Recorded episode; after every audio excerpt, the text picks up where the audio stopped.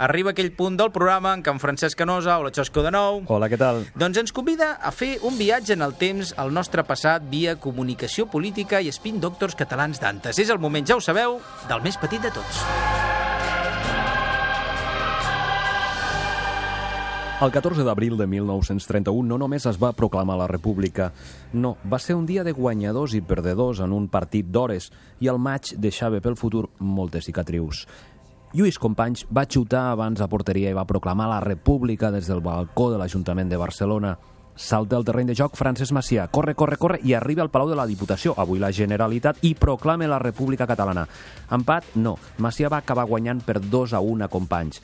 Es reafirmava el mite i el cuiner del tempo polític, però també l'home de la comunicació. A partir d'aquell moment, Macià va agafar la línia directa de les comunicacions amb els republicans de Madrid. Va al telèfon que s'hi posava ell. El telèfon fix es va acabar convertint en un mòbil on parlava de tu a tu amb Madrid.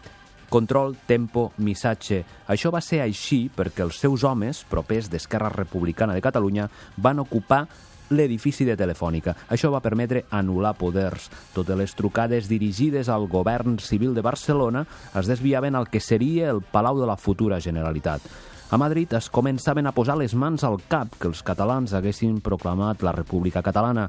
Un dels que tenia els cabells en forma d'antena elèctrica era Miguel Maura, ministre de Governació d'aquella república espermatozou. Pretenia posar al capdavant del govern civil algun republicà espanyol i Maura truque. Aquí el ministro de Governació de la República i s'hi posa un militant d'Esquerra Republicana que respon «Pues no, mire, aquí ahora manda el pueblo, ala, adiós» un caos, i a Madrid pensant que Catalunya ja estava a l'espai sideral. Ho va arreglar per telèfon aquell Lluís Companys a l'ombra de les hores. Els seus i els altres el van obligar a agafar aquell telèfon que comunicava un premi de consolació. Companys seria el nou governador civil de Barcelona, però Companys tornaria a buscar la trucada del seu triomf, que arribaria, com totes les notícies, per telèfon, per sorpresa, aquella mort de Macià que el faria nou president de la Generalitat i amo de tots els telèfons. Fixa't, doncs una història molt interessant com sempre. Gràcies, Francesc Canosa, i ens retrobem d'aquí no res.